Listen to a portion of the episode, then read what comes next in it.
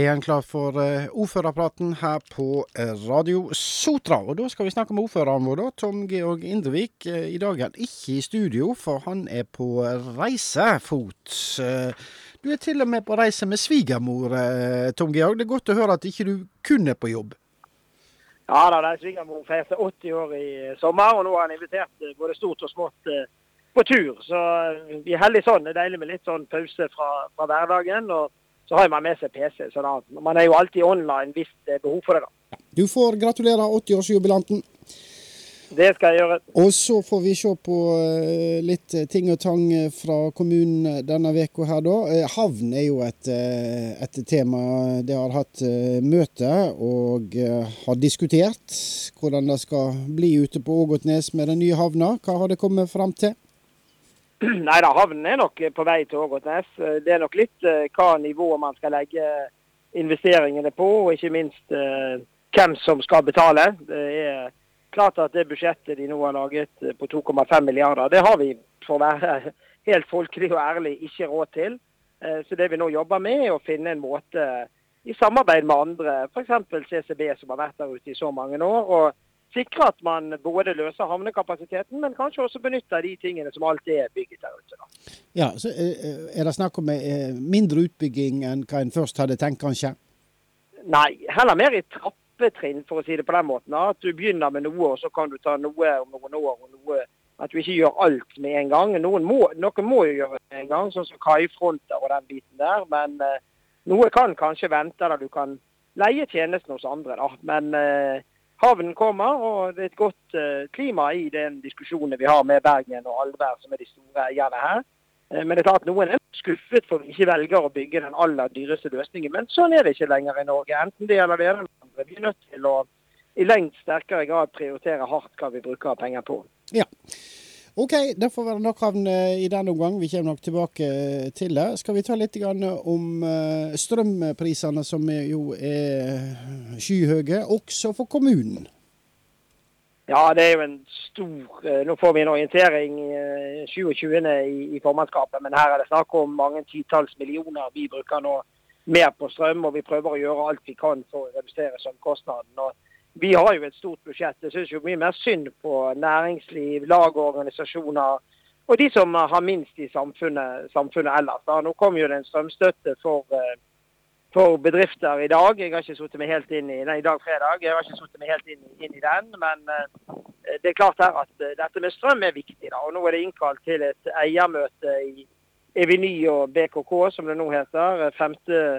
oktober, og Der må vi se hvordan vi skal kunne Eh, og hva handlingsrom vi har. da. For det er klart at uh, Hvis dette skal fortsette gjennom vinteren, så er det mange som vil kjenne på konsekvensene av dette. da. Ja, og det er vel uh, ja, Vi tror nå vel at prisene blir høye utover i høst og, og, vinter. Det er vel ikke noe signal om noe annet?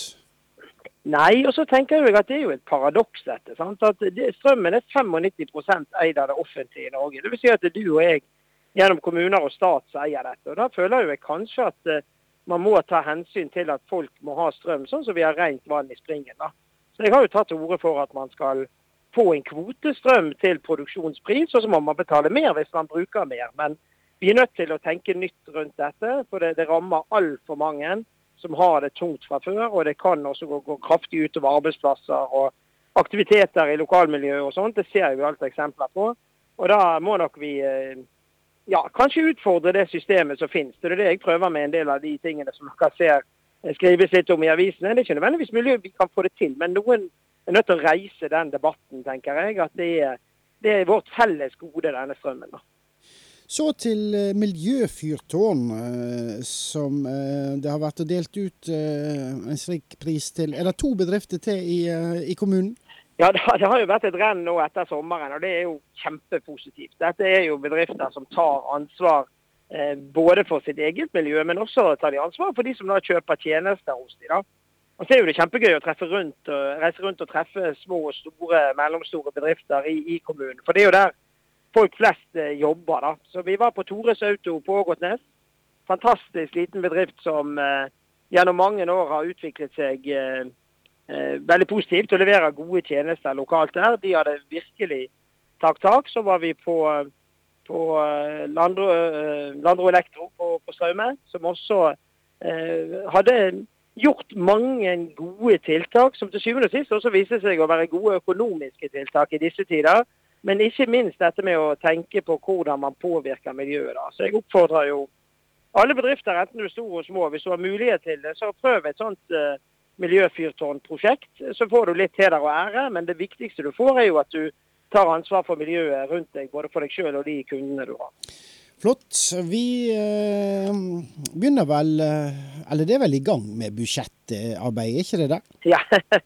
jo, vi er vel ikke så mye i gang. Men administrasjonen begynner jo nesten eh, med nytt budsjett når vi har vedtatt et gammelt. Og i år blir jo det veldig, veldig vanskelig. Denne uken så har rådene, dvs. Si Rådet for nedsatt funksjonshemmede, Eldrerådet og Ungdommens kommunestyre, kommet med innspill. da. Og Det er jo dessverre veldig få innspill til hvordan vi skal spare penger. Eh, for det er klart at eh, eh, der må vi ta signalene som kommer fra nasjonale myndigheter. Det blir ikke mer penger neste år, og da må vi drive smartere. Og kanskje er det ting vi må si nei til. da. Neste uke så skal utvalgene gjøre det samme. og så vil jo kommunedirektøren i begynnelsen av november da legge frem budsjettet. Det er jo vi veldig avhengig av statsbudsjettet som kommer 6. oktober. da. Men det er klart, som eh, vi har eh, hørt eh, og ser, så, så, blir neste år kanskje det første året i norsk, nyere norsk historie som jeg har opplevd i så fall, hvor vi er nødt til å bruke brutalt mye mer mindre enn det vi har vært vant til. Ja. Eh, om noen dager er det på mandag mobilitetsveka som, som starter. Og hva, hva er det for noe? Nei, Mobilitetsveken er jo eh, dette miljøfyrtårnet, denne byvekstavtalen, ikke miljøfyrtårn, byvekstavtalen eh, sin uke for å markere og fokusere på dette med mobilitet. da. Eh, vi gjør jo det hvert år. I år skal vi ha aktiviteter både på Spildepollen, på Ågotnes og på Straume om morgenen. Men hensikten med det er jo å, å sette fokus på fordelene man har ved å bruke kollektivt og bruke mobilitet. Eh, i den måten å komme seg rundt på. da. Så er jo det veldig veldig aktuelt hos oss, da, pga. at uh, som jeg og deg snakker om hver uke. Sant? Det er for mye kø. Vi jobber med innfartsparkering, vi jobber med nye bussystemer, vi jobber med billettsystemer. Eh, så neste uke blir det veldig aktuelt. og Mandag begynner vi med jeg tror jeg å dele ut noen boller og gjøre det litt gøy for, for Sartor, de på bussterminalen på Strømme om morgenen. Og så skal det bl.a. være møte i Miljøløftet også, hvor eh, de har innstilt på at Øygarden får 200 000 kroner til en stor informasjonskampanje rundt fordelen det er med å, å ta buss og, og, og bruke kollektivt. Vi jobber jo også, som jeg snakket litt om sist, med en sånn samkjøringsapp da, eh, i samarbeid med Skyss. For det er klart at eh, de fleste bilene som kjører over broen, er sånne enmannskjørere, som jeg kaller det. Eh, og Hadde du klart å bare få noen til å ta med noen, og det var noe positivt ved å gjøre det i form av penger eller poeng eller hva det nå skulle være, så hadde vi også kunnet klart å benytte veiene våre bedre og få ned køene. Du er jo en uh, utålmodig uh, sjel. Det, går, det, går, litt for seint etter din smak når det gjelder det arbeidet med å få redusert køene? Det, det går altfor sent. Det er klart at her at det er mange som skal være med og mene mye.